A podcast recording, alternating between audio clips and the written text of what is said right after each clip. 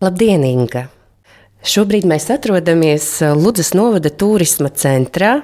Tā ir jūsu darba vieta, te jūs strādājat par turismu organizatori, bet ārā ir ziema, šobrīd ļoti puteņo. Sakiet, ko turisma organizators dara ziemā, kad turistu patiesībā paliek ļoti maz? Turisma sezona mums ir visu gadu, un ļoti labi, ka ir tāds klusāks laiks, jo ziema mums dod iespēju gan pašiem iziet daudz, kur, piemēram, radīt jaunus maršrutus, pastaigu, ko mēs šobrīd jau arī darām. Vairāk ir šīs papīru lietas, sagatavošanās sezonai, jo sezonā praktiski laika šim nepaliek, un ir tikai tiešais darbs ar klientu. Inga paralēli savam darbam Jūs esat iesaistījusies arī biedrībā Tavi draugi, un nu jau četrus mēnešus jūs braucat uz Grebņevas robežu kontroles punktu. Un tur kā brīvprātīgā strādājat un sniedzat palīdzību Ukraiņiem. Sakiet, Inga, kas pamudināja jūs iesaistīties brīvprātīgo kustībā? Protams, ka pēc kara sākuma mēs visi kaut ko gribējām darīt, un šī bija tik ļoti lieliska iespēja. Un otrais bija laikam tas, kad es eh, sociālajos tīklos ieraudzīju Montes, kas ir biedrības tavi draugi, viens no lielajiem vaļiem, ierakstu, ka viņi šobrīd atrodas Grebņevā. Man kā vietējam cilvēkam likās, tad, nu, kāpēc Rīgai ir jādara tas, ko mēs te varam darīt paši uz vietas. Cik tālu jūs dzīvojat no Grebņevas robežu kontroles punkta? Nu, kā jau minēju, es esmu vietējais cilvēks. Pamata dzīvošana ir Kārsavā. Līdz ar to tas ir tikai 14 km no robežas. Kā tad šobrīd izskatās eh, jūsu palīdzības sniegšanas punktā? Mēs smējamies, ka mums ir tāda neliela pilsētiņa. Tad mums ir kemperis, eh, traileris, tad mums ir viena telts, kas ir paredzēta cilvēkiem, jeb ukrāņiem ienākošajiem, un tad ir viena noliktavas telts plus sešas stoletes mūsu mini pilsētiņa. Tātad Ukrāņi, e, tie, kas šķērso Krievijas-Latvijas robežu, tad viņi pie mums var saņemt pirmkārt jau siltu ēdienu vai dzērienus, bezmaksas interneta iespējas, un tad, protams, skatāmies pēc viņu vajadzībām, sākot arī no apģērbiem, apaviem un tām lietām, kurām fiziski viņiem pietrūkst, un beidzot ar informāciju, nakšņošanas iespējas, šīs pat bezmaksas biļetes, kaut kādi jautājumi, kas saistīti ar vēstniecībām un vīzu lietām. Līdz ar to nu, tāds ļoti, ļoti plašs spektrs. Vai jums šobrīd pietiek uh, visu līdzekļu, materiālu, preču nepieciešamo? Gan jā, gan nē. Ir tā, ka uh, mēs, protams, izteikti jūtam šo atbalstu no cilvēkiem, bez kura noteikti Grebņeva nebūtu tāds veiksmes stāsts, kāds viņš ir šobrīd. Un, uh, protams, arī nē, jo katru dienu ir nepieciešamas lietas, kas izmaksā līdzekļus, sākot ar šīm pārtikas precēm un beidzot ar ar lietām, kas ir fiziski drēbes, apģērbs.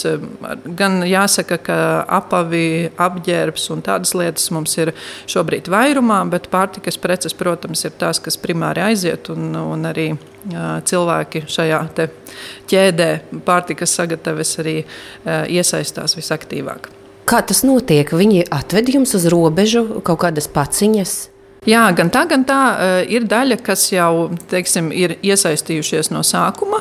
Tad viņi vienkārši sazinās ar mums, uzprasa, kas ir nepieciešams. Eh, ir mums saucamās arī nu, teiksim, ne zupas virtuve, bet cilvēki konkrēti, kas eh, vāra vismaz reizi nedēļā šo zupu un tad vai nu mēs viņu atgādājam ar savu transportu, vai nu viņi arī paši viņu pieved. Bet lielākā daļa cilvēku ir, kas uh, uzprasa tiešām, un tas ir pats galvenais - atrast šo kontaktu, vai nu tas ir kāds pazīstamais, vai tas ir biedrības tavi draugi, kāds no sociālajiem profiliem, kuriem var vienkārši uzprasīt, kas šobrīd ir aktuāls un kas ir nepieciešams. Un tad jau mēs arī atbildam. Cik jūs šobrīd uh, esat no biedrības tavi draugi brīvprātīgo? Tas cipars arī ir mainīgs. Precīzi nepateikšu, bet domāju, ka ap 20, varbūt 25 aktīvi cilvēki mēs esam. Un cilvēki ir ļoti dažādi un no ļoti dažādām vietām. Gan lielākoties, protams, tas ir Rīga. Ir arī vietējie cilvēki, ir no Vidzemes, ir tādi, kas atbrauc arī no, no, teiksim, no Lejas gala kas ir Daugopils, izmēģināt šo brīvprātīgā lietu uz robežas. Bet jā, nu var teikt, ka tāds stabilais ap 20 personām. 20 personas, kas tieši brauc un, un strādā un palīdz Ukraiņiem Grebņevas robežkontroles punktā. Jā. Izklausās daudz. Un uz vietas jūs taču visi 20 gan jau neesat vienlaicīgi, vai nē, ne? Nē, tas izklausās daudz, bet ir ziema, ir slimošanas, ir daudz kas. Un, un šī princips, kādā mēs darbojamies, ir tas, ka mēs braucam uz maiņām, kas ir 48 stundas, jeb divas diennaktis. Un eh, diennaktī parasti ir divi līdz trīs cilvēki. Kā var izturēt divas diennaktis, dežurējot uz robežas, kad ir ziema, kad ir augsti, kad visu laiku nāk cilvēki? Vai tā ir vēl viena lieta, kas noteikti piemīt tādiem stipriem, izturīgiem cilvēkiem, un uh, tu šīs kaut kādas lietas, diskomfortu noteikti noliec malā. Tas nav primārais. Un mēs ļoti labi saprotam, ka mēs tur esam terminēti, mums tas drīz beigsies, mēs atbrauksim siltās mājās, mums ir ģimenes, kurām viss ir kārtībā. Tā ir arī daļēji iejušanās uh, tajā, kā šobrīd uh, jūtas cilvēki Ukrajinā, kuriem nav elektrības, kuriem nav siltuma, kuri ir ierobežoti savos savos resursos. Līdz ar to mm, šīs lietas varbūt es personīgi tiešām nolieku otrajā plānā, un es taču zinu, ka pēc 48 stundām es atgriezīšos siltumā. Bet jums taču tur ir vieta, kur vismaz pāris stundas pagulēt. Nu, jā, mēs cenšamies. Protams, ir dažādas diennaktis, dažādas maiņas, bet nu, minimāli 3-4 stundas diennaktī tev tiek atpūsties. Ja ir mazāka plūsma, tad, protams, arī vairāk. Inga, Iepriekš bija domāts, ka vajadzētu atvērt tādu pašu palīdzības sniegšanas eh, punktu arī Terehoves robežu kontroles punktā. Vai tur arī jau strādā brīvprātīgie? Būtībā biedrība Tavi draugi kopā ar gribu palīdzēt bēgļiem. Sākotnējā doma bija atrasties visos četros robežu kontrolas punktos. Šobrīd, protams, vispozitīvākais un kas ir no pašiem sākumiem ir Grebņeva. Tad mēs atrodamies arī Silenē ar līdzīgu vienu kemperīti un, un biotoaletēm. Un tad 12. janvārī uz Terehovu oficiāli ved kempermāju.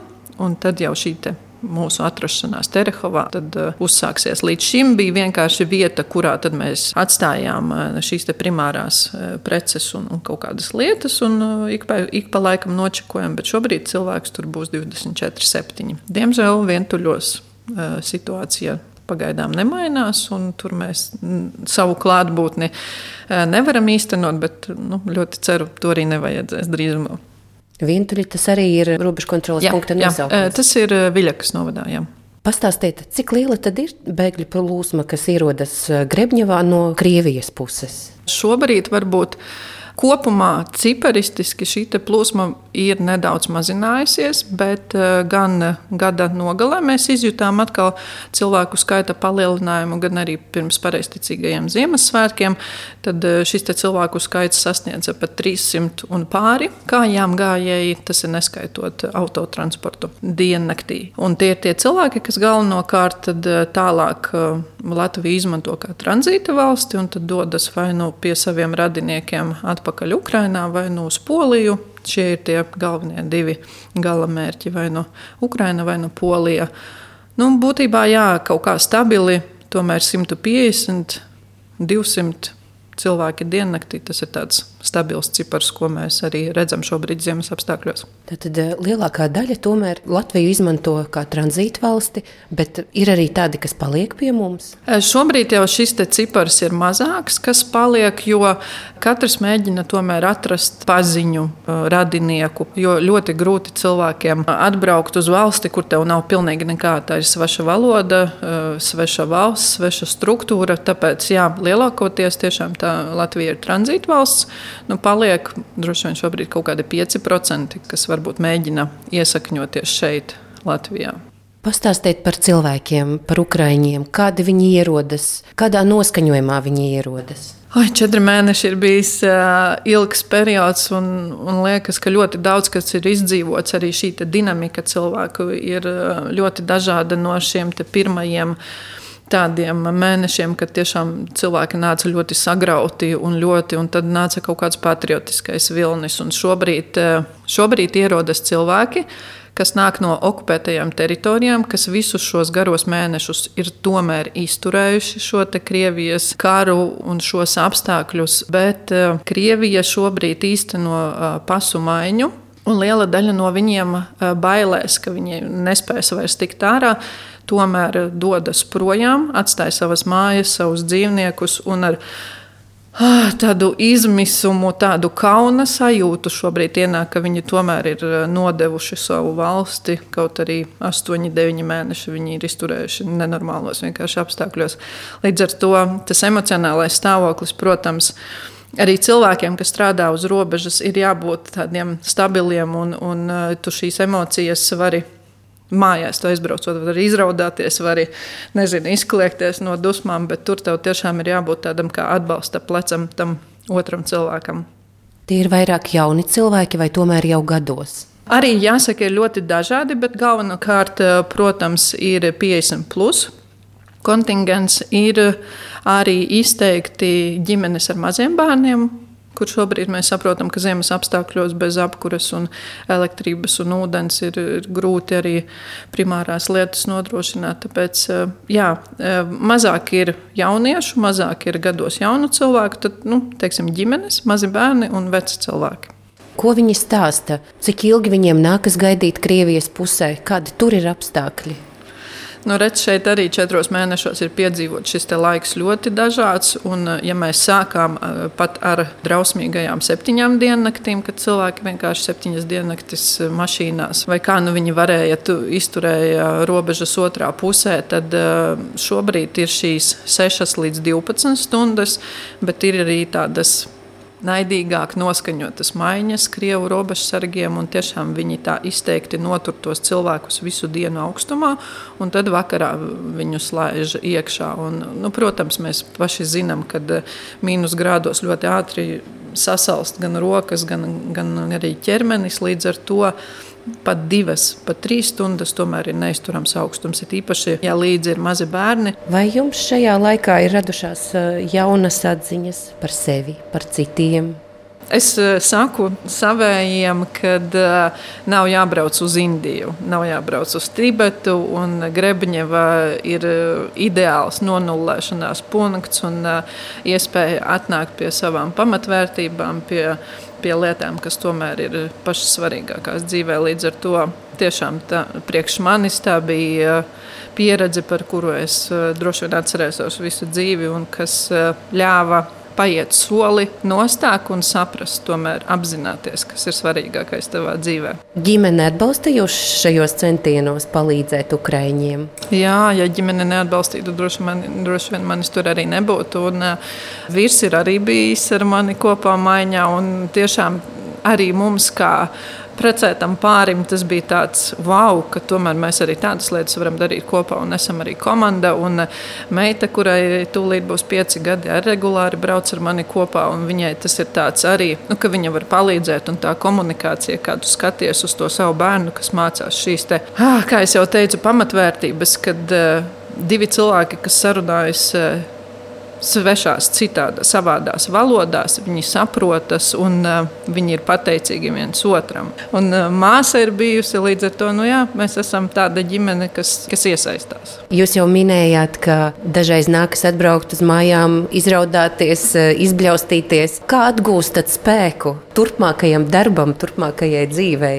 Katra maiņa ir ļoti savādāka. Un, uh, es esmu pieredzējis gan 9 stundas bez elektrības un siltuma, tur, kad izsit kaut kādus korķus, gan uh, emocijas, kuras tu nezini, kur pēc tam likt, gan tādu arī sajūtu, ka nu, bet tu taču neko nevari ietekmēt un izdarīt, vai vispār tam visam ir jēga un cik liela. Primārais, kas palīdz atgūties, protams, ir ģimene. Tas, ka tu atnāc atpakaļ mīlošā vietā un cilvēki, kas tevi mīl, ir apkārt.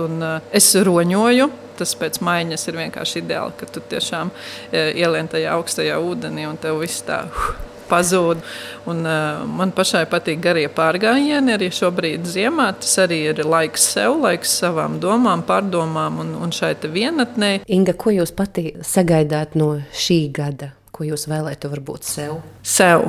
Hmm. Es domāju, ka turpināt būt tādam cilvēkam, kāds es esmu, būt tikpat tikpat īpašu cilvēku ielenktai un turpināt mācīties. Jo katrs no cilvēkiem mums kaut ko māca, un svarīgi šīs mācības tomēr ir pieņemt un, un saprast. Man liekas, mums ir dota tik skaista iespēja palīdzēt šobrīd uh, Ukraiņu tautai un tādējādi izdzīvot arī šo karu viņā neiesaistoties. Un man liekas, tā ir tāda iespēja, ko, kas Ukraiņiem nebija dota un no kuras mēs tiešām varam mācīties un uh, sniegt tādu atbalstu, lai mums pašiem nav jāiesaistās dodas karā. Paldies, Inga, jums par veltīto laiku! Un es atgādinu, ka es šodien sarunājos ar Ingu Zagorsku, kas nu jau vairāku mēnešu garumā darbojas kā brīvprātīgā pie Grebņevas robežu kontroles punkta.